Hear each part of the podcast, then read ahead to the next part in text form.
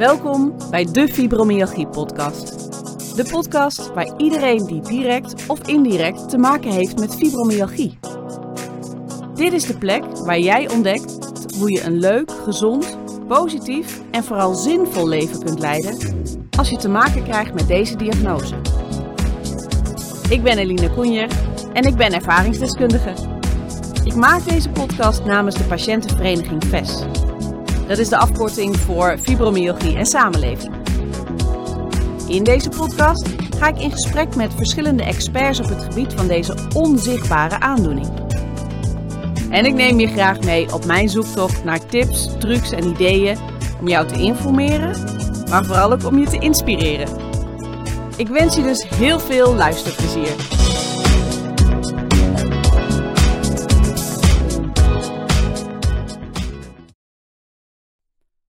Welkom bij weer een nieuwe aflevering van de Fibromyalgie podcast. In de twee afleveringen hiervoor sprak ik met Peter Leusink over seksualiteit en intimiteit als je kampt met een chronische aandoening zoals fibromyalgie. Ook in deze aflevering is dat het onderwerp. Het is namelijk ook het thema dat behandeld wordt in ons VES magazine. Kijk voor meer informatie daarover op www.vesinfo.nl. Maar deze keer heb ik twee gasten consulent seksuele gezondheid Marliese Aarts en een ervaringsdeskundige, Hanneke. Zij vertelt openhartig over waar ze tegenaan loopt in haar seksleven met haar man en Marliese gaat daarover met haar in gesprek. En ik zit er meer in de rol van gespreksleider, maar ja, zoals altijd ben ik ook persoonlijk betrokken. Helaas is de geluidskwaliteit niet geweldig. We waren op locatie en ik gebruikte een microfoon voor het eerst met meerdere mensen, dus ik hoop dat jullie me dat willen vergeven. Ook ik blijf leren. Ik wens je wederom heel veel luisterplezier. Nou, lieve luisteraars, welkom weer bij een nieuwe aflevering van de Fibromyalgie podcast. Ehm, we gaan het wederom hebben over uh, seksuele gezondheid, seksualiteit en intimiteit. Als je last hebt van chronische pijn, chronische vermoeidheid, uh, wat natuurlijk bij fibromyalgie het geval is. Ik heb twee gasten vandaag, dus dat is, uh, dat is leuk. We zijn een keer op locatie. Meestal doe ik de afleveringen via Zoom tot nu toe. En nu uh, zijn we op een prachtig plekje aan de vecht. Zo. Afgelegen, niemand kan ons storen. En uh, um, gaan we het er eens over hebben. Um, als eerste ervaringsdeskundige Hanneke. Hi. En uh, dan moet ik het goed zeggen, consulent seksuele gezondheid Marliese Aarts. Ja, dat klopt helemaal. Welkom allebei, fijn dat jullie wilden meewerken aan deze aflevering. Um, met de meeste gasten vraag ik, willen jullie jezelf eerst even voorstellen. Dus bij deze vraag ik dat ook aan jullie. Hanneke, wil jij beginnen? Uh, ja, is goed. Uh, ik ben Hanneke, ik ben 28 jaar. Um, ik heb me eigenlijk opgegeven voor deze podcast, omdat ik uh, op een persoonlijke missie ben. voor de taboe op seksualiteit te doorbreken, voornamelijk voor mezelf in eerste instantie. Um, dus het is een beetje een enorme stap voor mij om nu mee te doen en om het hier over te hebben.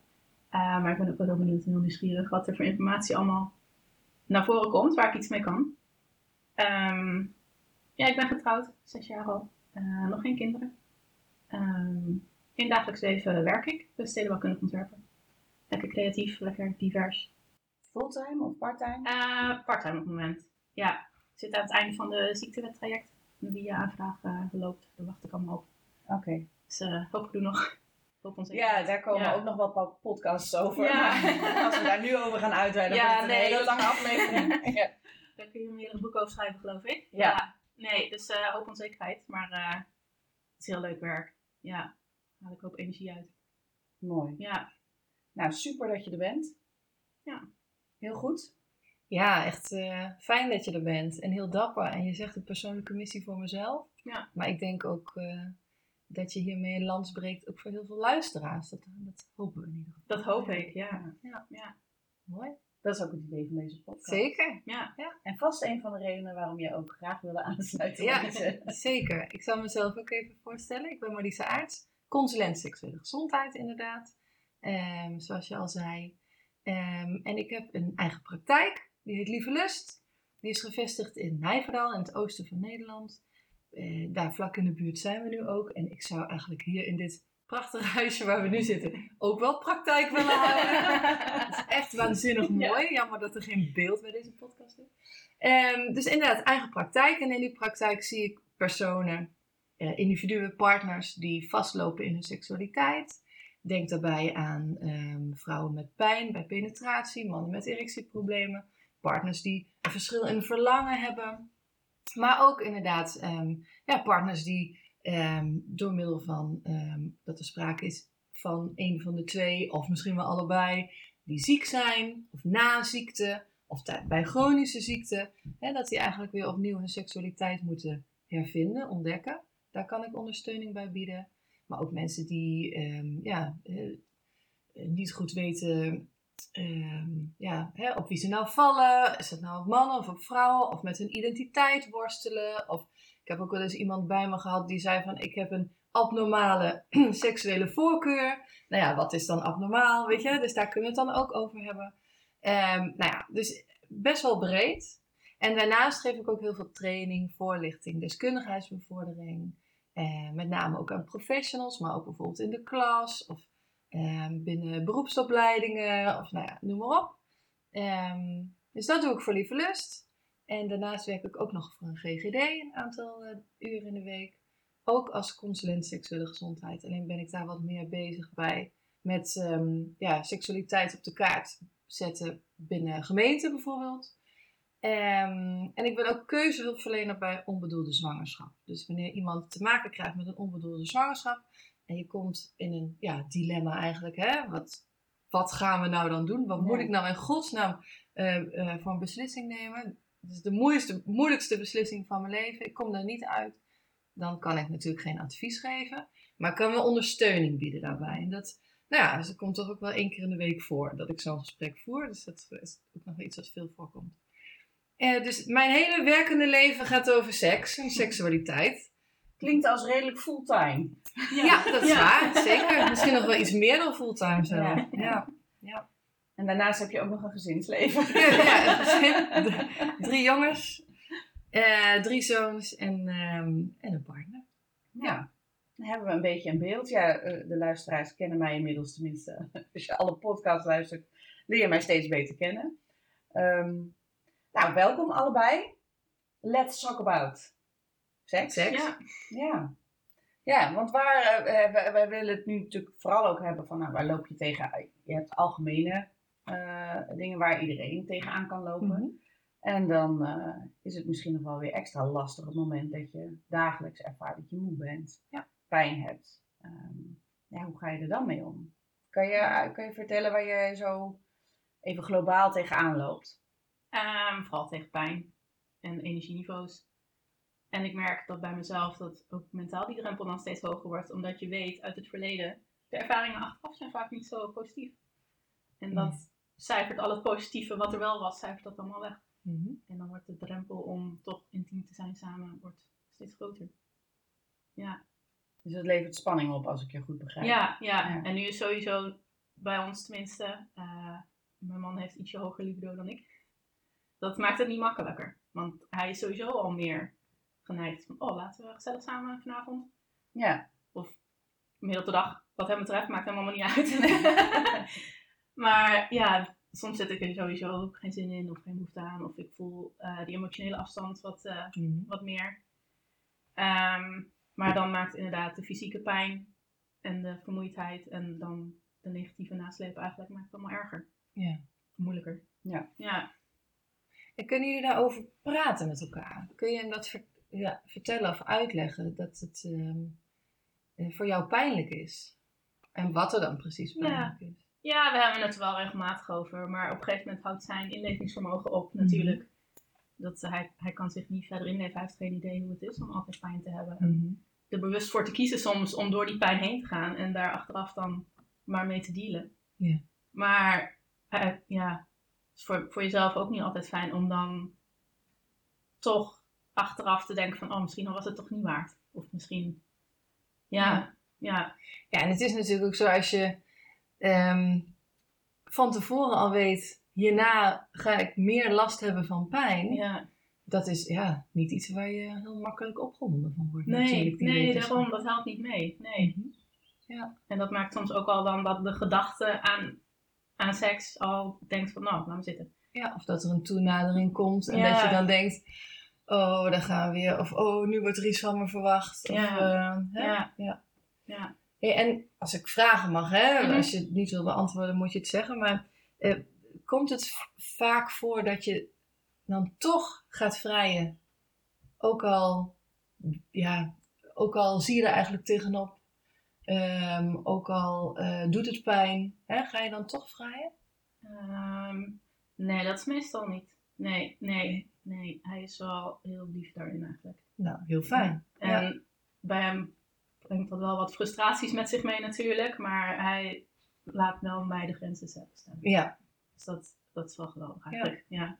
Ja, dat is wel iets wat we namelijk veel zien, of wat ik ook veel in mijn spreekkamer wel zie. Ja. Dat ehm, ja, de partner die voelt, het probleem zit bij mij, Mhm. hè, dat dan ook graag zelf wil oplossen. Dat is sowieso ook iets wat we vaak zien. Ja. Eh, maar ook, ehm, ja, dan denkt van, ja, nu is het alweer zo lang geleden, nou moet ik het toch een keer gaan geven. Of nou moet ik het toch maar eens een keer Mhm. ja, door de zure appel heen. Of, eh, hè, Ja. ehm, en ja, dan krijg je ook negatieve ervaringen Ja. die ook weer zorgen voor ja, een, een nog grotere drempel, zeg maar, hè, voor de volgende keer. Ja, nee, we hebben daar ook met elkaar wel vaak over. En we hebben er ook wel afspraken over gemaakt. Ehm, van hij initieert meestal wel. En meestal zeg ik dan nou toch even niet. Ehm, en op een gegeven moment dan eh, stopt hij met initiëren. En dan zegt hij, het ligt bij jou. Mhm. Ehm, en dat werkt wel heel erg, moet ik zeggen. Want dat haalt voor mij ook weer een beetje die druk eraf. Ja. Van nou, ik moet hem dat geven. Ehm, en meestal zijn dat wel de positieve ervaringen. Om het, Ja. eh, en dan is het het ook waard als je dan twee dagen soms bijna niet kan lopen. Ja, Wauw. ja. Maar, Maar begrijp ik, begrijp ik goed dat, dat hij op een gegeven moment aangeeft: ik stop nu met initiatief nemen. Mhm. Eh, ik laat het nu even bij jou en dan mag jij aangeven Ja. eh, of je wel of niet. eh, Ja. ja. ja. Dus dat dat niet een, een soort stil, want dat is eh, wat ik inmiddels in gesprekken en dat het een soort stilzwijgen wordt. Hè? Van nou Ja. ja, oké, zij wil niet, ik wil wel, maar eh, dat En- het zo in de lucht blijft hangen. Ja, of, Ja. of de frustratie. Hè, die, Mhm. want degene die inderdaad initiatief neemt en dat initiatief wordt niet beantwoord of kan niet worden beantwoord, Mhm. eh, dat, dat wordt een frustratie. En die frustraties op den duur kan dat een soort blok beton worden, wat zo tussen je in ligt in bed, weet Ja, je wel? Ja, Hè? En, en dan is de kunst van ja, hoe, hoe maak je dat weer zacht? Hè? Ja. Ehm, ehm, ik hoor inderdaad wel wat je zegt. Ehm, ja, er- hij is daar heel lief in. Hij is geduldig daarin. Hij ja, legt wel het initiatief bij mij. En dat helpt mij ook, want het Ja. brengt, neemt de druk weg. Ja. En dat is inderdaad heel erg belangrijk. Hè? Dat je ja, niet die druk ervaart. nee, dat maakt het erger meestal. Mhm. Ja. Precies. Ja. ja. Want hoe, hoe groot is de factor spanning? Eh, in de zin van spierspanning, maar ook letterlijk stress voelen. Of, eh, Ja, en dat heeft enorm met elkaar te maken natuurlijk. Hè? Mhm. Ehm, je kunt je voorstellen wanneer je, ehm, wanneer je opziet tegen eh vrijen, omdat je weet dat het pijn gaat doen. En, en waar dat dan ook pijn doet. We- dit, dit zien we bijvoorbeeld ook heel veel eh, bij vrouwen die pijn hebben bij penetratie. Hè? Die hebben dan echt pijn in de, in de ingang van de vagina of Ja. iets dieper zelfs. Hè? Ehm, eh, mensen met fibromyalgie myalgie, die kunnen inderdaad dan pijn in hun hele lichaam natuurlijk ervaren. Hè? Maar welke pijn het ook is, pijn is een, is een min. Ja. Ik heb het altijd over plusjes en minnetjes. En, en pijn zijn natuurlijk hele duidelijke minnetjes. En die zijn niet bevorderlijk voor, eh, voor opwinding. Nee. Hè? En hoe meer minnetjes je hebt, hoe meer gespannen eh, hè, hè, je, je Mhm. ook bent. En nou ja, je kunt je bijna voorstellen hoe ook die bekkenbodem dan eh, zich, Ja. eh, zich ook aanspant. Net zoals alle andere spieren in je, eh, in je lijf. En ja, stress is daar natuurlijk wel een uitlokker van. ja. Ja. Ja, want ik, wat ik inmiddels, eh, nogmaals, ik ben geen eh, seksoloog of eh, consulent seksuele gezondheid. Maar fysiek zijn er twee dingen echt nodig om te kunnen vrijen. Om Mhm. penetratie te kunnen. kan je daar, ik laat het even aan jou om uit te Ja. leggen hoe dat zit. Nou ja, goed, dus, daar- daar snij je eigenlijk al één punt aan. Dat ik wel interessant vind om in eerste instantie eens eventjes ja, wat op in te zoomen. Want je zegt hè, om te kunnen vrijen, om penetratie te kunnen ervaren. En dat is toch eigenlijk wel een beetje een misverstand, wat in onze cultuur heel erg diep geworteld is. Hè, wanneer je eh, hier de straat, nou hier is niet zoveel straat, maar als we eerst even naar, naar, de, naar de bewoonde wereld rijden en daar is, eh, eh, nou ja, tien of twintig mensen op straat vragen, wat is voor jou seks of wat is voor jou vrije? Dan zullen nou, negen van die tien zullen zeggen, dat is penetratie. Hè, dat is wanneer de penis in de vagina is geweest. Dat is ook wanneer je bent ontmaagd, zeggen we dan. Hè? Ja. Hè, we hebben het ook zelfs in de Vrijpartij over voorspel. Hè, dat is alle, an- alle handelingen die je eigenlijk doet voordat het hoofdgerecht wordt opgediend. En dat is dan de penetratie. Hè? Ehm, terwijl het eigenlijk een misvatting is. Mhm. Want het is sowieso iets wat heel erg de heteronorm ehm, eh, ja, uitvergroot. Ehm, maar ook binnen de heteronorm, hè, binnen heteroseksuele relaties, is het natuurlijk veel meer dan alleen penetratie. Hè, dus het eerste wat ik dan inderdaad graag zou willen aanstippen is, seks is veel meer dan penetratie. Penetratie is een manier om te vrijen. Maar er zijn er veel meer. Dus eigenlijk zouden we ook niet meer moeten hebben over voorspel of weet je. hè? Nee, ook dat, dat zijn allemaal manieren om te vrijen. Dus dat is allemaal seks. Hè? ehm, de podcast die hier vooraf eh, gaat met Peter, Leusink, eh, ja, die zegt dat ook. Eh, knuffelen is ook seks. Hè? Of orale seks of manuele seks Mhm. is ook seks. Ja. Hè? Dus al die handelingen, dat is allemaal, allemaal seks. En nu ben ik ondertussen even aan het denken, want ik wilde heel graag even op dit punt eh, inzoomen. Ja, heel Maar wat Daar was- stuur ik ook wel een beetje op aan. Wat inderdaad. was de oorspronkelijke vraag ook alweer? Nou ja, dat er, dat er fysiek twee dingen nodig zijn Oh ja. om dat überhaupt mogelijk te maken. Daar ging het, en dan ging het wel even over penetratie, maar misschien ook wel over andere vormen van vrijen. Ja. Om het prettig te laten zijn. Ja, zeker. Dat is opwinding is daarin heel erg belangrijk. Ehm, en zowel bij, als we het even nu hebben over een man die met een vrouw vrijt, hè, bij alle twee de seksen is het heel erg belangrijk dat opwinding ja, eh, compleet is eigenlijk.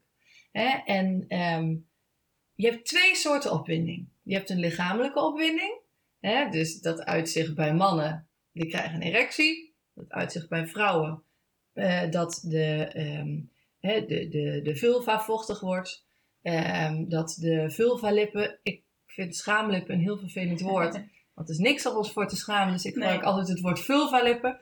Hè, dat die vulvalippen zich ops, opzwellen, hè, die lopen vol met bloed. De clitoris ehm, ehm, zwelt ook op. Ehm, en dat is nodig om het lichaam klaar te maken voor de vrijpartij. Hè? Echter, er is een heel klein dingetje wat moeder natuur is vergeten te maken. Eh, wanneer je kijkt naar het mannenlichaam en het vrouwenlichaam. Want mannen kunnen alleen maar vrij, en dan heb ik het nu wel even over penetratie. ehm, als ze die, eh, die genitale opwinding hebben, dus als ze die erectie hebben. En de vrouwen kunnen ook penetreren hè, zonder dat ze opgewonden zijn. En dat is jammer. Eigenlijk had het moeten zijn dat ook het vrouwelijk lichaam niet gepenetreerd kon worden of niet kon vrijen op het moment dat ze nog niet opgewonden genoeg was. Maar een soort schuifdeurtje. ja, zo ja, ja, openen, hè, bijvoorbeeld. Ja, hè? maar dan is het ook duidelijk. Van, hé, oh, oh, wacht, Ja. het kan nog niet. Ja, Precies. Net zoals dat we weten met een slappe penis hè, Ja. kun je niet zoveel. Hè, zou dat ook eh, moeten zijn hè, bij, bij een ja, niet opgewonden eh, vulva. Ja. clitoris ehm, ja, kunnen we ook nog niet zoveel. En dat is, dat is jammer. En daar, dat vind ik belangrijk, dat daar ook meer aandacht voor komt en meer kennis over komt. Hè, want bijvoorbeeld wanneer we, het gaan, wanneer we gaan kijken naar het vrouwelijk geslachtsorgaan. Ik heb hier, dat zien jullie niet, maar daar gaan we wel een foto van maken. Maar ik heb een eh, model bij me van ja, het vrouw- vrouwelijk eh, geslachtsorgaan. Jij kent hem al, hè, Ja. eh, deze. Maar wat heel veel mensen niet weten, kijk, hier zie je een heel klein knopje, dat kennen we als de clitoris. Maar dat is eigenlijk helemaal geen knopje. Het is een veel groter orgaan hè, Ja. eh, wat, er, wat erachter zit. En bij dit model wat ik hier heb, kan ik dan de vulva-lippen en de vagina. Overigens, hè, de opening. Ik zit natuurlijk helemaal dit te demonstreren, maar voor jullie dan. Hè? Ja. Eh, de opening, dat is de vagina. Dus, dat, hè, dus de opening en, en nou ja, hè, waar de penis ingaat, waar de baby uitkomt, waar het menstruatiebloed uitkomt. Dat noemen we de, de vagina. En het, het, het- alles bij elkaar noemen we de vulva. Dus de vulvalippen, de clitoris, de vagina. Hè, dat samen bij elkaar, dat noemen we de vulva. Ehm, en als je dus inderdaad dat onderdeel eventjes van dit model afhaalt, dan zie je dat de clitoris een heel groot orgaan is. Nu is het model wat ik in mijn handen heb, is een beetje uitvergroot om het goed te kunnen demonstreren. Maar dit orgaan is bij alle vrouwen toch wel gemiddeld zo'n 10 centimeter groot. En het lijkt een beetje op, nou waar lijkt het op, Eline? Ja, ik, ik- zie ook een soort van testikels eronder hangen en een ja, eh piramidetje erboven. ja, het is lastig om uit te leggen.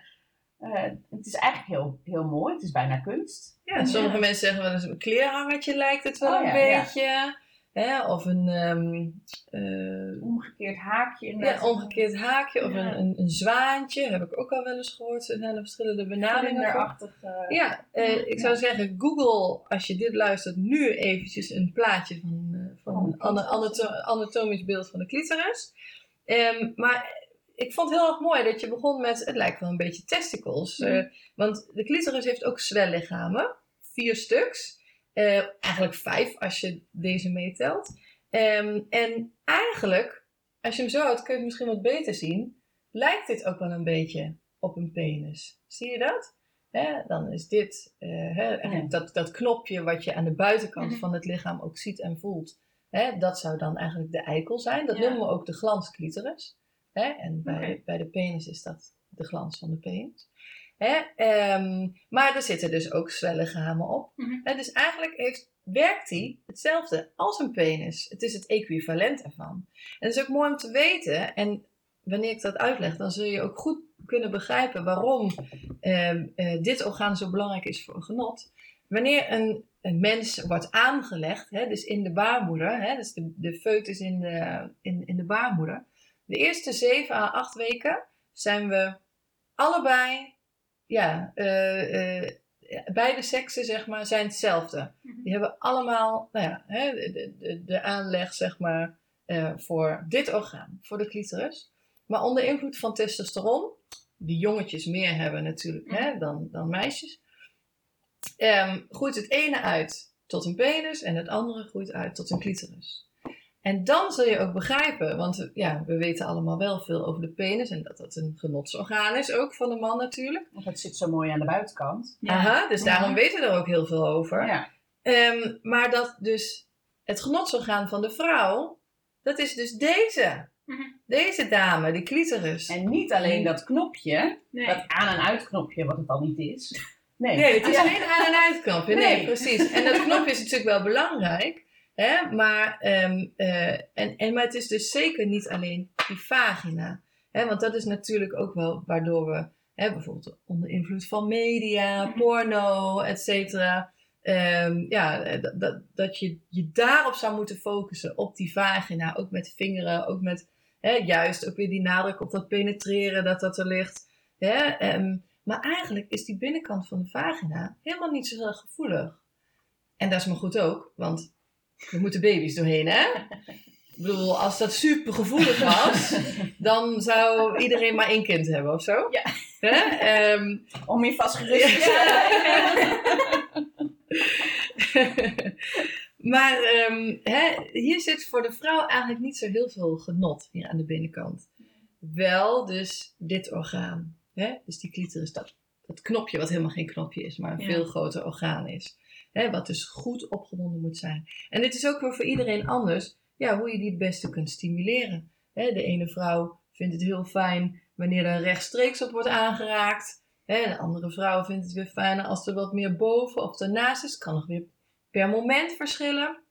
Jij gaf bijvoorbeeld in ons voorgesprek ook aan, soms kan ik het helemaal niet, ehm, ehm, ja, eh, hoe zeg je dat? De Eh, huidaanraking. ja, Ja, dat- je ja. hele lichaam eigenlijk. Dat je je huid dat precies, ja, dat alle aanraking te veel is. Mhm. Ja, dan zou ik me heel goed kunnen voorstellen dat die clitoris een helemaal Ja, een no-go area zitten dan. Nee. Precies, daar moet je ver van weg blijven. Hè? Dus het kan ook echt nog weer per situatie, per moment verschillen. Voor een orgasme, na een orgasme. Hè? Dus ook dat verschilt. Ook per cyclus, hè? Ja. per moment in de cyclus kan het weer verschillen. Dus het is goed dat je dat, je dat kent. Mhm. Hè? Dat je dat orgaan zelf kent. En eh, dat je partner dat orgaan ook goed kent. Ja. Hè, dat is voor iedereen ook weer anders. Dus dat eh, is, is ook een belangrijke tip. Want ook mensen met een chronische ziekte kunnen nog steeds absoluut seksueel genot ervaren. Hè? En het wordt anders. Hè? De manier van vrijen wordt ook anders. Een ziekte heeft onherroepelijk altijd invloed ook op intimiteitsbeleving en seksualiteit. Dat is wat het is. Maar dat betekent niet dat het niet meer kan. Ja. Hè? Maar het moet misschien op een andere manier. Hè? En dat is dan wat je weer gaat her, her eh, ondervinden Ja. eigenlijk. Hè? Herontdekken. Hè? En ehm, daarbij is het heel erg belangrijk dat je weet van jezelf. Waar zitten bij mij nou die knopjes waar ik op aanga?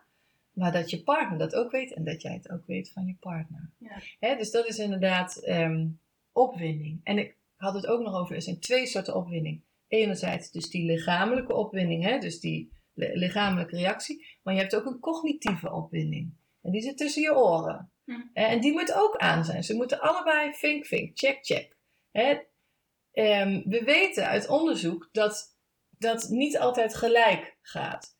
Hè, we zien over het algemeen bij mannen wel wat sneller, hè, die erectie komt. En vink ook meteen, vrijwel meteen, is ook wel die cognitieve opwinding ook check, ook aan. Eh, soms kan er wel wat langer de tijd tussen zitten. Er zijn bijvoorbeeld onderzoeken geweest met vrouwen, die kregen een erotische film te zien, waarvan ze eigenlijk achteraf zeiden van, nou ja, eigenlijk vond ik die film helemaal niet, ja, dat deed me niet zoveel, want het was erg gericht op de man, weet je wel. Dat is nou niet iets waar ik dacht van, nou, hier word ik eh, heel erg opgewonden van. Terwijl de meetapparatuur wel liet zien dat de, de lichamelijke opwinding absoluut aan was. Hè? Dus de lichamelijke reactie was er absoluut. Alleen cognitief tussen de oren, nee, was geen vinkje, was niet aan. Hè? En dan, ja, dan eh, ben je ook niet in staat om te kunnen genieten van seksualiteit. En daar heeft die emotionele band dan ook mee te maken. Of niet? Zeker, ja, Ja. absoluut. Ja, ja, die kan daar absoluut een heel versterkende rol in spelen. Ja. Ja, inderdaad. Dit is ook bijvoorbeeld bij mensen die seksueel geweld meemaken. Ehm, ik hoop dat, dat het ons allemaal bespaard blijft. Maar er zijn gewoon wel heel veel mensen die dat wel hebben meegemaakt. Hè? Dus ik vind het wel belangrijk om dit te zeggen. En die ehm, hebben ervaren dat terwijl dat gebeurde, dat hun lichaam reageerde. Hè? Dat ze bijvoorbeeld een erectie kregen of vochtig werden. Dus weet dan, dat kan. Dat is de, de, ja, de reactie van het lichaam. Maar dat zegt niks over of je ook echt wel zin had daarin. Hè? Eh, dus die cognitieve opwinding was echt niet aan. Het was alleen de lichamelijke reactie. Dat kan, omdat het ja, een soort reflex is eigenlijk van het lichaam.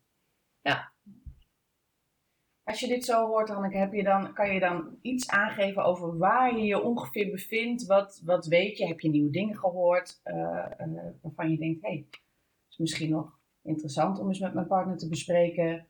Ehm, Eh, nou, we zijn er de laatste tijd samen ook al meer mee bezig. Van seks is meer dan penetratie, inderdaad. Ja. En hoe ga je dan mee om als ik laag in mijn energieniveau zit of Ja. als mijn huid zo gevoelig is? Of, Ja.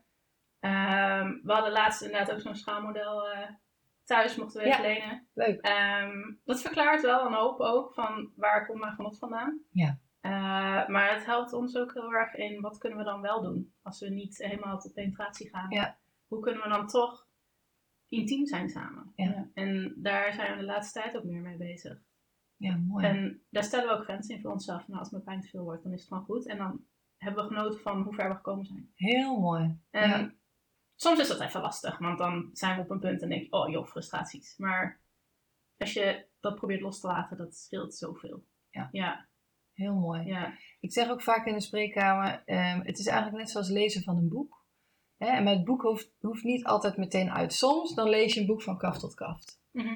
Hè? Maar je kunt ook stoppen bij hoofdstuk 6 en dan heb je heel fijn gelezen. Ja, Hè? Of je kunt stoppen bij hoofdstuk 3 of 13. ja. Hè? Eh, ehm, dus daar gaat het vooral om. Je kunt beginnen met vrijen en, en doorgaan totdat allebei zijn klaargekomen en hè, kaft tot kaft. Mhm. Hè? Maar je kunt ook ehm, stoppen bij hoofdstuk 3. Hè? Waarin je heel fijn naast elkaar hebt gelegen en elkaar hebt gestreeld en die connectie hebt gevoeld. ja. Hè? En je kunt ook stoppen bij hoofdstuk 13, waarbij eh, misschien de een wel is klaargekomen en de ander nog niet. Of, eh, hè? Dus eh, ehm, niemand heeft ooit eh, eh, bepaald, dit is de manier waarop je seks moet hebben en dat is het. En dat is de enige goede manier. Dat bestaat niet. Ja. Hè? Dat bepaal je zelf. Dat bepalen jullie zelf. En het gaat erom dat ja, dat, je, dat je van alles kunt genieten, van iedere stap kunt genieten. Mhm. Ehm, en dat is veel belangrijker ehm, of dan hè, of er gepenetreerd kan worden of ehm, dat ja, allebei zijn klaargekomen bijvoorbeeld. Hè? Het gaat veel meer om nou ja, de reis in plaats Ja. van de bestemming, Ja, om die ja, dan ook ja, maar ja. even bij te halen. Ja. Hè? Maar ehm, dat, eh, dat is zeker met seksualiteit ook zo. Het scheelt Dus- wel een hoop moet zeggen hoor. Want het haalt Ja. ook weer die druk eraf van, joh, ik moet dit doen nu. Maar dat hoeft dus eigenlijk helemaal niet. Nee. Je kan gewoon samen zijn. En al is het maar even tegen elkaar aanleggen, een kwartier of zo. Ja. Maar dat, ja, dat scheelt wel zoveel. In ook samen zijn en in de frustraties die je tegen elkaar over opbouwt. Absoluut. Ja, Ja. dit is mooi, hè? om je daar ook berusting in te vinden. Dan maak je dat blok, waar ik het eerder over had, maak je zacht. Ja, Hè? Ja, inderdaad. En ehm, wat ik ook nog, ik wilde nog iets zeggen, maar dat is me even ontschoten, maar daar kom ik straks vast wel op.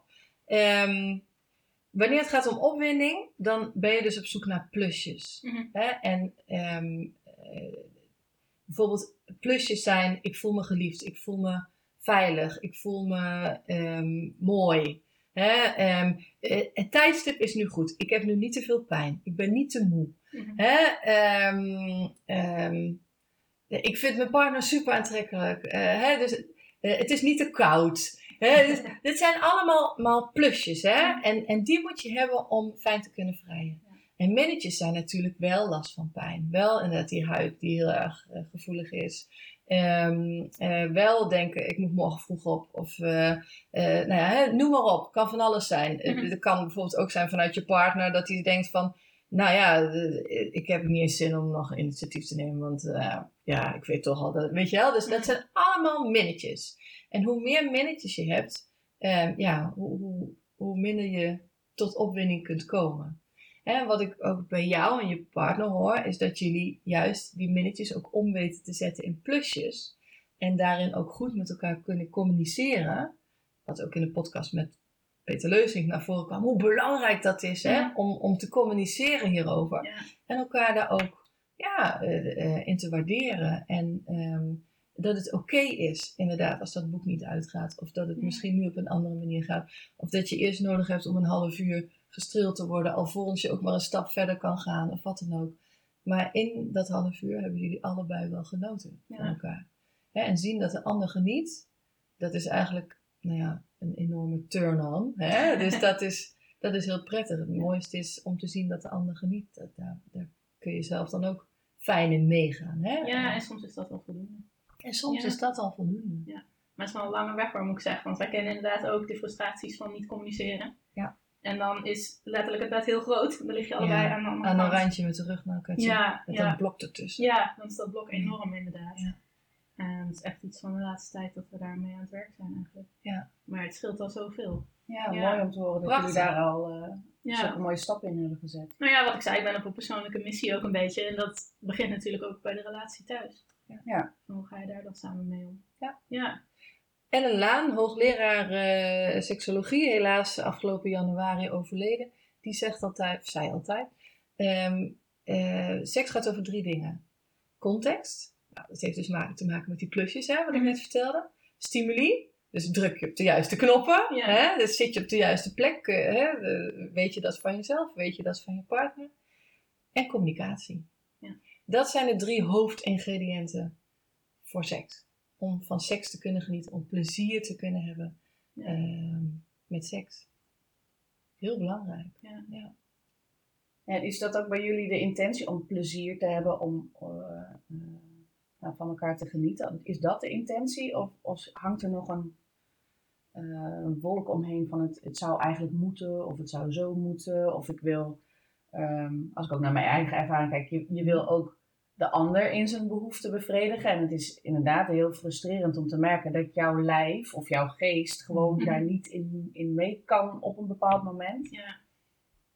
Ehm, nou, dat is het wel lang geweest, inderdaad. Vooral van mij uit. Van, nou, mijn lijf wil het eigenlijk niet, maar... Of kan het eigenlijk niet. Maar ik wil dat graag aan hem geven. Ehm, maar we komen inderdaad steeds meer achter, dat hoeft helemaal niet. Als we maar die intimiteit samen kunnen voelen. Ja. Dat, ja, daar moet je inderdaad voor blijven communiceren. Maar dat doet al zoveel met je relatie. Dat je niet allebei aan de kant van het bed ligt s'avonds. Ja. En ja, we hebben tijden gehad dat we al bijna langs elkaar heen leefden. Ja. van, joh, we hebben allebei de sleutel van hetzelfde huis, maar verder dus er eigenlijk niet zoveel op het moment. Ja. Ehm, maar inderdaad, communiceren daarover, dat doet al zoveel. En zelfs dan voel je al dat die connectie weer komt. Ja. En dat scheelt ook alweer heel veel. En dan kun je dan ook die fysieke toenadering zoeken. Ja. En dan hoeft het niet eens te gaan inderdaad over penetreren, want dat is wat je geleerd wordt op school. Ja. Dat is Mm, ook waar je voor, ja. of op Dus school, waar je voor gewaarschuwd wordt ook. En Ja. Je moet wel een condoom dragen, je moet wel voorzichtig zijn, je Mm. moet wel. Maar dat is helemaal niet waar het om hoeft te gaan. Nee. En daar komen we samen steeds meer achter. Ja, dat is een Ja. hele mooie weg die jullie hebben afgelegd. Hè? Ja. En eh, ja, ontzettend waardevol. Het is ook een beetje hetzelfde als met wat- dat je mensen zeggen, ja, maar de- we doen het te weinig. Hè? Maar wat is dan te weinig? Wie, Ja. wie bepaalt dan wa- wat de norm is daarin? Ja. bedoel, dus er zijn ook geen lijstjes bekend van hoe vaak je naar de bioscoop zou moeten of zo. Hè? Of naar het Mhm. zwembad. Of, eh, dat bepaal je zelf. En dat is natuurlijk ook hetzelfde voor, voor seks. Ja, En wat voor jullie werkt, hè, dat, dat is dan jullie norm. Ja. Hè? ja, nee, klopt. Dat is nog wel een thema waar we aan moeten werken, inderdaad. Want hij, hij houdt lijstjes bij. Of tenminste, niet echt lijstjes, maar in zijn hoofd. Van, oh, de laatste keer was zo lang geleden. Moeten we eigenlijk nu alweer. Ik wil wel graag. Ja. En mijn lijf, die ligt gewoon helemaal uitgeput in bed. Ik ben blij dat ik in bed gekomen ben soms. Mhm. Van ja, laat mij gewoon even liggen. Ik hoef niet... Ja. Daar, daar ligt voor mij ook niet de prioriteit. Maar dat is, is weer een verschil tussen hem en mij natuurlijk. Maar dan tegen elkaar liggen is dan al genoeg soms. Komen achter. Wat heb jij dan nodig op zo'n moment? Als ik uitgeput in bed lig. Ja. Ehm, ik merk dat ik heel veel heb aan een aanraking gewoon. We Mhm. liggen de laatste tijd, de laatste tijd, eigenlijk altijd al. Ehm, gewoon hand in hand in bed. Mhm. Gewoon even dat je elkaar aanraakt. Iedereen wel op zijn eigen, wel met ruggen naar elkaar toe vaak. Ik kan er niet tegen als je in mekaars gezicht ademt, maar zo vervelend. Nee, nou, maar gewoon even dat je wel die nabijheid voelt. Dat is Mhm. voor mij vaak al heel veel. Ja, Verbinding is Ja. eigenlijk ook ja verbinding. Ja. Ja. Is dat iets eh, eh, wat bij, want ik herken dat heel erg, als die verbinding er niet is, dan eh, kan ik überhaupt, dan, dan kan ik in ieder geval niet aan seks denken, Nee. eh, op welke manier dan ook. Ja. Ja. Als die verbinding er niet is, dan, dan krijg je, creëer je een soort afstand en dan, ja. Kijk, Ja. en dat is ook natuurlijk met welke intentie je seks beleeft. Er zijn natuurlijk heel veel redenen om seks te hebben. Maar in een, in een langdurige relatie is, is een reden om seks te hebben juist ook die verbinding. Ja. Hè, ik bedoel, je kunt natuurlijk ook seks hebben met iemand eh, waarbij je niet die liefdesband hebt en waar je niet per se die verbinding hoeft te voelen. Hè? Dus dat kan. Maar ik hoor het inderdaad ook wel veel in mijn spreekkamer dat mensen bij me komen en zeggen: Ja, we zijn niet meer met elkaar in verbinding. We zijn een verbinding verloren en daardoor Ja. drijven we eigenlijk uit elkaar. Ja. Hebben, we- zijn we huisgenoten in plaats van Ja. geliefden geworden. Hè? Dus ja, hoe kun je dat dan weer herstellen? En dat is, ja, hè, sta je weer open voor elkaar? Sta je ook open voor elkaars prikkels? Mhm. Want dat is natuurlijk ook hè, heel in het begin van deze ehm, podcast ging het heel even kort over libido. Mijn vriend heeft een hoge libido, mijn man heeft Ja. een hoger libido dan ik. Binnen de seksologie willen we vaak eh, onderstrepen dat eigenlijk libido helemaal niet bestaat. Ehm, zin in seks gaat, is niet een vat waarmee je wordt geboren en bij de een zit hij half vol met zin, met libido en bij de ander zit hij tot de nok vol, weet je wel? Zo, zo, zo werkt het niet. Het, zin in seks eh, is, sta je open voor, voor prikkels die eigenlijk de hele dag op je afkomen. Mhm. Hè? Ehm, en we hebben dan een soort filter. Hè? Dus nou, we zijn bijvoorbeeld nu in een, eh, een podcast, podcast aan het opnemen. Seksuele prikkels die nu op ons afkomen. kun- sorry, kunnen wij filteren als... Nee, dit, dit kunnen we nou niet toelaten. Want we zijn nu met andere dingen bezig, weet je wel. Mhm. Ehm, dat gebeurt allemaal onbewust, hè? Ehm, en dan laten we hem weer terugketsen. Alleen sommige mensen hebben wat meer een rem op die filter. Hè? Dus die, die filter is wat dikker, als het ware. Het is wat Mhm. moeilijker om doorheen te komen. En andere mensen hebben wat meer een gas- gaspedaal. Hè? Dus die laten die prikkels sneller toe. En dat kun je ook leren. Hè? Je kunt ook leren open te gaan staan voor prikkels. En hoe kun je die nou ook naar elkaar zenden? Hè? Zonder dat het een druk oplevert. Eh, want eh, eh, ja, het is natuurlijk ook niet de bedoeling dat... Oké, ik zal eens eventjes heel actief prikkels gaan zenden. En ik ga allemaal berichtjes sturen naar mijn partner overdag. Maar dat dan de partner denkt, oh, dan kom ik straks thuis en dan het voelt nu al, eh, nou dan moet ik straks weer, weet je wel. De- hè, het is, die communicatie blijft daarin altijd belangrijk. Maar het, het kan dus helpen om ja, al bewust wat, wat prikkels naar elkaar te zenden. Als je verliefd bent, doe je dat de hele dag. Hè? Je, je maakt jezelf mooi voor de ander. Je, je luistert nog echt naar de verhalen wat diegene te vertellen heeft. Je kijkt elkaar nog diep in de ogen. Eh, de televisie en de schermpjes blijven wat meer nog Mhm. aan de zijkant, weet je wel? Ja, dat is natuurlijk ook onder invloed van de hormonen die met verliefdheid loskomen. En het is prima dat we op een gegeven moment weer met beide beentjes op de grond landen. Het wordt functioneren. kunnen, Ja. precies, kunnen gewoon weer functioneren in het leven. Hè? Maar hoe fijn zou het zijn om toch af en toe weer even bewust terug te gaan naar die periode. En dat heeft te maken met ja, openstellen voor prikkels en ook prikkels zenden naar elkaar. En dat kan op heel veel verschillende manieren. Hoe dan? Ik ben ineens heel nieuwsgierig. hè? Nou, het komt me ineens heel bekend voor ook. Want als ik inderdaad vakantie heb of zo, als er wat minder druk vanuit het Mm. dagelijks leven komt, dan is inderdaad, heb ik ineens veel meer zin. Sta ik veel meer open. veel meer open. Ja, Ja. Ja. verklaart een hoop ineens. Ja. Ja. Ja. En hoe, ja, dat, ook dat verschilt weer per, per persoon. Hè, eh, als je bijvoorbeeld het boek eh, De Zeven Liefdestalen eh, gaat lezen, ik ga hem even opzoeken voor in de show notes, ehm, dan zie je dat er verschillende mensen zijn die op verschillende manieren ehm, ja, ehm, verrast willen worden. En sommigen hebben aandacht nodig door, door middel van lieve woorden, anderen gaan weer beter op aanraking. Anderen eh, ehm, ja, gaan helemaal aan op cadeautjes. En er hoeven niet per se letterlijk cadeautjes te zijn. Maar er kunnen ook complimentjes zijn bijvoorbeeld. Of eh, ehm, ehm, ik neem even een kopje thee voor je mee. Weet je? Dus dat kunnen ook wel cadeautjes zijn. verschoond. Ja, ja. En zo zijn er ja, voor iedereen weer andere eh, dingen die werken, zeg maar. Om Ja. ja, daarin geprikkeld te worden ook. En hoe zou ik, als coach, consulent, hoe, zou je dat, hoe kan je dat aanraken, aanreiken om zo'n zo'n zoektocht te gaan ondernemen? Waar begin je? Wat, eh Nou, wat, wat denk je? Het toverwoord van vandaag? van de communicatie. Ja, maar is wel zo. ja. Ja, is wel zo. Maar en, ook en, gedeelde zo- verantwoordelijkheid vind ik ook belangrijk. Want je ziet ook vaak wel met partners, de een wil eigenlijk liever dan de ander. Of de een is misschien al een stapje verder dan de ander. Of de ander is wat handelingsverlegener dan de een. Hè? En, en dan ligt toch het initiatief bij één partner. En die begint dan die kaart te trekken. En dan, eh, je moet wel even meedoen, weet je wel. Dus een gedeelde verantwoordelijkheid daarin is belangrijk.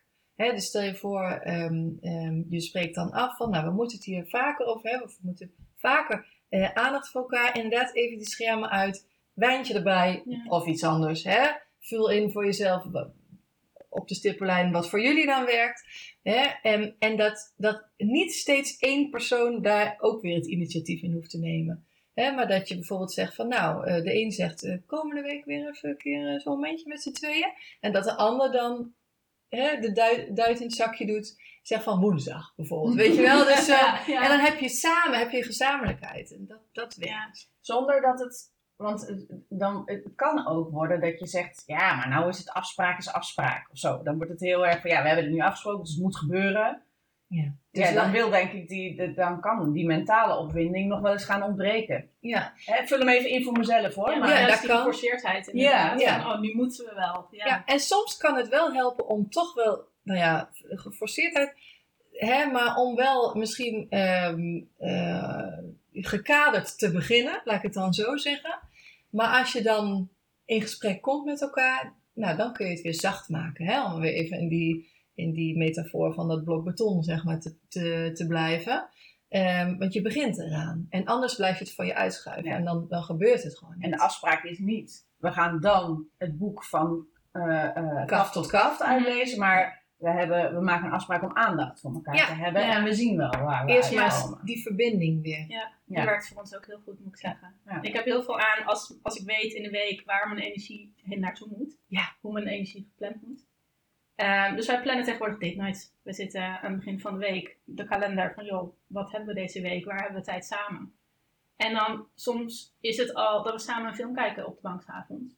Maar dan die tijd samen, dat doet al zoveel inderdaad. En dat hoeft niet eens verder te gaan dan naast elkaar op de bank zitten. Nee. Maar Nee. ik weet waar mijn energie naartoe kan. Hij weet dat ik dan energie gepland heb daarvoor. Ja, gespaard. gespaard, ja, soms ja, gespaard, ja. soms Ja. inderdaad. Ja. En ik weet ook achteraf van, joh, als het wel gezellig wordt daarna en we gaan wel helemaal tot het einde, om het zo maar even te zeggen. Ja. Van nou, de volgende dag is vaak ook al wel wat- rustigere dag, dan kan ik gewoon lekker mijn eigen ding doen. En dan is het oké ook als mijn lijf het dan even opgegeven heeft. Mooi. En dat doet steeds meer. Ja. En het klinkt inderdaad nu aan het begin, we zitten nog een beetje in die probeerfase, maar soms is het heel geforceerd. Inderdaad van, oh, vrijdag is date wat gaan we doen? Ja. Een tijdje Ja. geleden had hij een enorm leuk idee. Toen hebben we gewoon pannenkoeken gebakken. Alsof we in een pannenkoekenhuis eh, aan het eten waren. Allemaal met luxe beleg en zelf kiezen. Ja. ja. En dat is heel mooi, hè? want het hoeft ook niet altijd meteen ehm, een weekend weg te zijn naar. Londen of Rome. Nee, gewoon de tijd samen Ja. inderdaad. Ja. Het kan ook gewoon in je eigen keuken zijn, pannenkoeken bakken. Ja. Hè, of inderdaad ehm, samen een film kijken en elkaars voeten masseren. Of, Ja. hè, het kan van alles zijn. Ja. Ja. hoe was je dag? Even, hoe gaat het echt met je? Ja. dat kan ook al genoeg zijn. En ook mooi wat je zegt, hè, van ik weet, ik heb die nasleep. Ik weet gewoon, als we all the way, dat boek gaat uit, Mhm. dan heb ik daar twee dagen last van. Ja. Ik weet ook wat het me op kan leveren. En soms heb ik het er dus voor over. Hè? Dus dat is eigenlijk wat ik je hoor zeggen. Ja. Maar dan weet ik dus ook wanneer ik mezelf dat kan toestaan. Want ik- heb die regie en eh, ik kan er dus ruimte van maken. En dan, dan neem ik dus voor liefde, of dan calculeer ik al in Mhm. dat ik dan die twee dagen herstel nodig heb. Weet jij van jezelf, ehm, nou ja, hier reken je nu even twee dagen voor. Ik merk in mijn eigen proces wel eens dat ik denk, oh hey, voorheen kostte me dit twee of drie dagen. En nu merk ik ineens dat ik eh, de volgende, dat het eigenlijk al weer ga- oké gaat de volgende dag. Mhm. Ehm, ik merk zelf heel erg dat het ligt aan of ik iets met spanning doe of iets in ontspanning doe. Dat heb ik ook wel geleerd in. eh, eh, kan even niet op het woord komen, dat is ook zo'n ding, hè? Zo fijn is dat. Brain fog. Ehm, in de revalidatietrajecten leer je Mhm. dat heel erg om, om eh, alles wat je doet in ontspanning te doen. Dat je, ik had heel erg de neiging om dingen onder spanning te Mhm. doen. Ook met sporten bijvoorbeeld. Oh Dan ja. heb je daar heel snel. Nou, ik kan me voorstellen dat dat eh, in je seksleven ook speelt. Ik, ik, ik ga er een beetje op aan, omdat ik bij jou ook hoor van hey, het levert vooraf al zoveel spanning op. Mhm. En eh, bij mensen met fibromyalgie slaat dat heel snel op je lijf Ja. en op, op, je, Ja. hè, op die aanhechtingen, die spieren. Ja. Dat is natuurlijk ook logisch. Zodra spieren aangespannen zijn, ga je daar meer last van krijgen. Ehm, kan, je, kan je iets zeggen of tips geven over hoe je daar weer ontspanning in kan brengen? En, en is het dan ook mogelijk om er eh, over de tijd minder last van te krijgen? Ja. Kan je daar iets van? Ja, dat laatste durf ik niet zo te zeggen, want ik kan me ook voorstellen dat het heel erg persoonsafhankelijk is. Dat zal zeker zo ja, zijn. Ja. maar ehm, wat je zegt inderdaad over ontspanning, ja. En eh, mijn advies daarin is: neem de tijd. Neem de tijd om te vrijen. Neem de tijd voor die opwinding ook weer. Hè? Ehm, nogmaals, als je het nodig hebt om eerst een kwartier gestreeld te worden over je rug, je benen, hè, nog niet eens je erogene zones, bij wijze van spreken, ja, dan is dat heel legitiem. Dat is oké. En je bent het waard om de tijd voor genomen te worden, zeg maar. Hè? Je bent het waard om te genieten, te mogen genieten van seksualiteit, los van je seksen, je gender, je aandoening. Je, maakt niet uit. Iedereen ja, heeft daar gewoon recht op. Iedereen is dat waard. Hè? Dus die ontspanning inderdaad is heel belangrijk. Als je daar eh, oefeningen voor weet, bijvoorbeeld uit revalidatietrajecten, hè, pas het toe. Ehm, ik hoor ook vrouwen met pijn bij penetratie, die hebben bij de bekkenfysiotherapeut bijvoorbeeld eh, oefeningen geleerd, ontspanningsoefeningen. Pas het toe. Hè? Dat is, dat is eh, alleen maar heel erg helpend, kan Ja. ik me voorstellen. En Peter noemde ook als je van jezelf weet dat je spieren ontspannen van een warme douche Ja. of een bad. Ja. Ga dat dan eerst lekker doen. Precies. Ja. Ehm, zijn er, zijn er, is dat herkenbaar voor jou? Kan je daar... Ehm, ja, nou ja, sowieso spanning werkt niet mee, inderdaad, om al opgewonden te raken, om al Mhm. zin te krijgen. Eh, maar bij mij is er nog geen pijl op te trekken achteraf of het, of het bijdraagt Mhm. of niet. Mijn diagnose is nog niet zo heel lang geleden gesteld, dus ik ben ook nog heel erg zoekende. Ja. Ehm, maar dus met heel veel dingen merk ik ook gewoon in het leven. De ene keer gaan we naar dierentuin bijvoorbeeld een dagje en dan kom ik de volgende dag en gaan we Mhm. fluitend door met mijn leven. En de andere keer lig ik twee dagen op de bank. Ja. Dat, Dat wisselt gewoon. dat, is- wisselt zo erg inderdaad. En ook eh, ja, bij seks heb ik daar nog geen Nee. geen rode draad in gevonden, nee. Maar spanning had zeker niet mee. Nee, en ik Nee, kan, me ook, nee. ja, ja, maar ik kan me ook voorstellen dat dat ook wel weer per fase verandert in je leven. Misschien ook wel. Mhm. Hè, ehm, seksualiteit is niet statisch. Het is Nee. heel dynamisch juist. En hè, hoe jij tien jaar geleden vreed, of vijf jaar geleden vreed, Mhm. of vorig jaar vreed, kan heel anders zijn dan, dan hoe het nu gaat. Eh, en zo zal het ook in iedere levensfase ook weer anders zijn. Ehm, en ja, je bent altijd van meerdere factoren afhankelijk. Wij noemen dat ehm, in de seksologie gebruiken we altijd biopsychosociaal model. En dat is eigenlijk ook maar om aan te geven dat seksualiteit ehm, of seksuele problemen gaan verder dan een lichamelijke aandoening. Bijvoorbeeld fibromyalgie belemmert je in je, in je opwinding. Belemmert je in je ja, kunnen genieten van seksualiteit of kunnen eh, verrichten van seks. Ehm, dat komt omdat je lichaam daarin niet meewerkt. Mhm. Maar dat werkt natuurlijk ook weer door in je psyche. Dus Ja. psycho, hè, dus eh, daardoor raak je gefrustreerd. Of ehm, eh, door je ziekte ben je misschien wel je zelfbeeld eh, hè, is heel erg laag geworden. Hè? Of je bent onzeker over de relatie. Of, nou, vul maar in hè, wat allemaal eh, aan psychische factoren mee zou kunnen spelen. En dan heb je nog sociaal, dat is de relatie. Hè? Dus als je niet kan communiceren met elkaar, ja, dan ga je inderdaad langs elkaar heen. De, eh, de relatie niet goed, ga je vermijden, ga je geen initiatief meer nemen. Hè? Dus eh, ook dat speelt mee in, ehm, in seksualiteit. Dus wanneer mensen bij mij komen, kijk ik veel verder dan alleen, oké, je hebt een chronische ziekte. Ja, natuurlijk, dat is een voldongen feit. Daar moeten we mee dealen. Hè? Dus, eh, dat, dat, tuurlijk, dat is er. Maar daarnaast kijken we ook altijd naar het psychische stuk en naar het sociale stuk. Dat nemen we altijd mee. Ja. Dat heeft allemaal invloed erop. Ja. Ja. ja, ik merk inderdaad bij mij ook wel persoonlijk. eh, als het niet lukt of ik moet halverwege opgeven omdat ik te veel pijn heb. is toch ook een soort teleurstelling tegenover jezelf. Voelt als falen. Ja, nou ja, niet eens zoals falen, maar van joh, ik heb er zo naar uitgezien eigenlijk. En nu kan het niet. En dan lukt het Ja, niet. en. Dat je Ja. jezelf afvraagt, maar waarom lukt het nou niet? Want ik had toch echt wel zin. Ja, nou dat Ja. ook inderdaad. En je lichaam geeft het gewoon op soms. Ja. Ja, en dat, ja, maar dat zijn alle situaties ook weer. Dat kan gewoon teleurstellend zijn als je de leuke dingen niet meer kan. Of dat je halverwege moet stoppen, of dat je, ja, Dus elke keer weer incasseren. ja. En dan En dan- heb je elkaar heel erg nodig. En dan telt dat minnetje telt ook weer op voor de volgende keer, inderdaad. Ja, Ja. Nou, dat is wat ik een beetje bij jou hoorde. En, eh, waar ik inderdaad ook op aanging. Dat ik dacht, als je al in je hoofd hebt, ik weet dat ik hier twee of drie dagen Mm. Mhm. eh, kapot van ben. ja.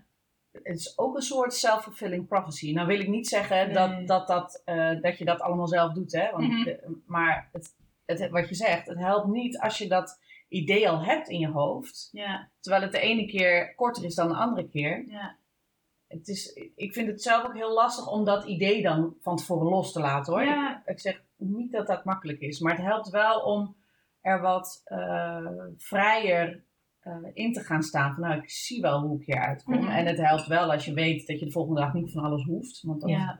eh, ja, dat verlaagt die drempel weer. Ja, Ja. zeker. Maar ehm, ik heb ook wel eens gemerkt dat als je, als je ervan uitgaat, ja, hier ben ik een week kapot van, dan ben je er ook een week kapot van. Mm. Mhm. Snap je dat, dat het niet altijd helpt, dat, dat beeld van tevoren? Ja, Je houdt er rekening mee dat, je daar, dat het effect heeft. En soms valt het mee, soms valt het tegen. ja. Ik merk ook wel dat het bij mij heel erg helpt om te weten dat ik die ruimte heb, dat het tegen mag vallen. Ja. Precies. En dan is het zo fijn als dat even niet is. ja, want dan is, het, ja, ja. dan is het eigenlijk weer een succeservaring. Ja, En de volgende keer valt het weer tegen. Maar ja, dat is dan, dat is dan een beetje... ja dat Ja. zijn de ups en van het leven bijna. Maar Ja, ja, nee, klopt. Ja, Mooi.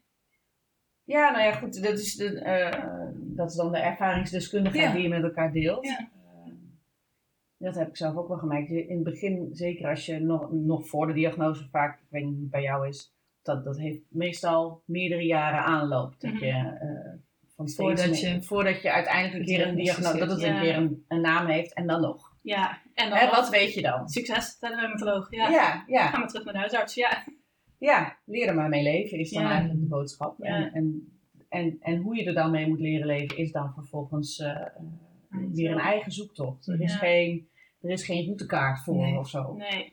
Ehm, daarom denk ik dat zo'n podcast ook belangrijk is. Dat je dingen met elkaar deelt. Dat je weet van, hey, oh, het kan beter worden. Het is niet, eh, ehm, het uitzicht is niet oh, na een paar jaar zit ik in een rolstoel. Mhm. Of na een paar jaar kan ik helemaal geen seks meer hebben. Mhm. Ja. Dat is niet, eh, je kunt er echt mee leren leven en het, het blijft een zoektocht. Ja. Ja.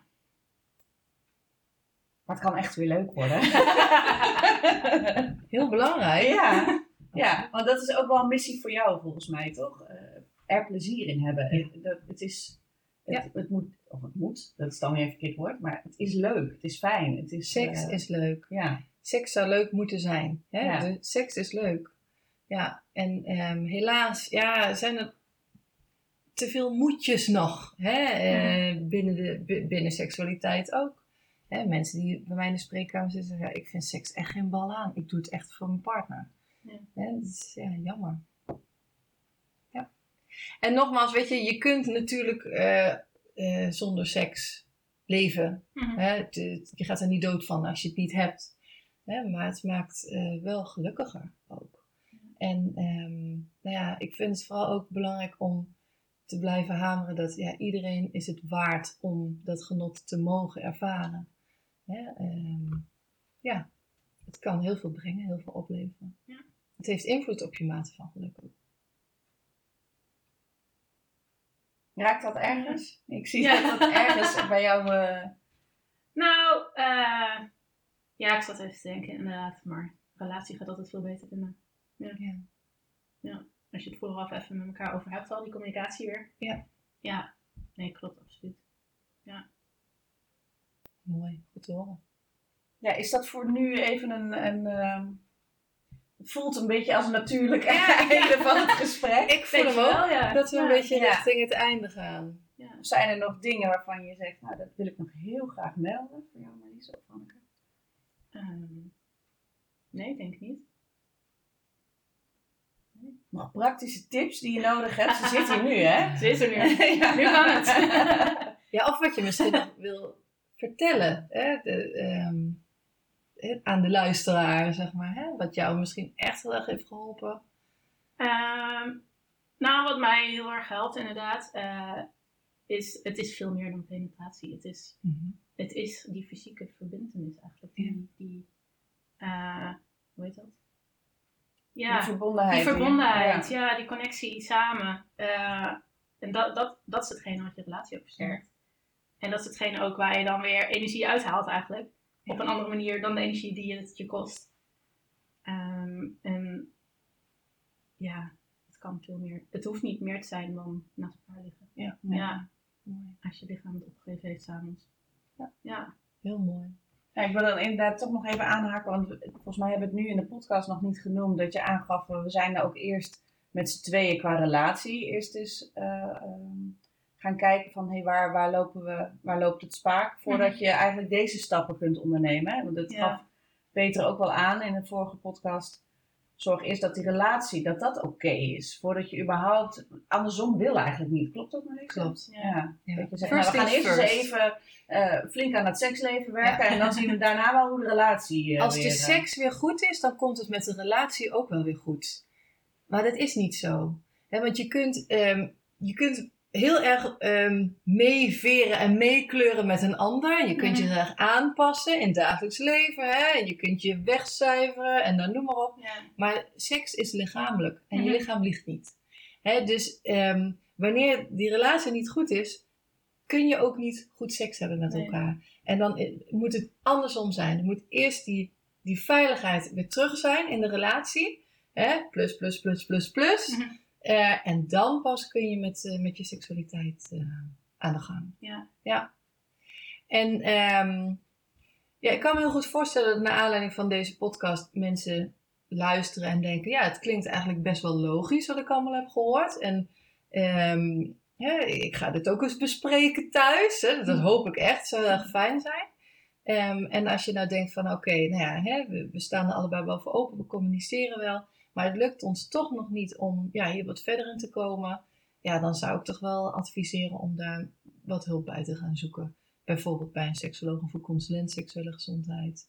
Ehm, soms is het fijn ja, om dan daarover te praten bij iemand die daar wel een beetje verstand van heeft, maar ook ja, hè, onbevooroordeeld is. Of eh, hè, jullie relatie verder niet kent. Of een spiegel voor kan houden. Of wat dan ook. Wat tips kan geven. Oefeningen mee kan geven.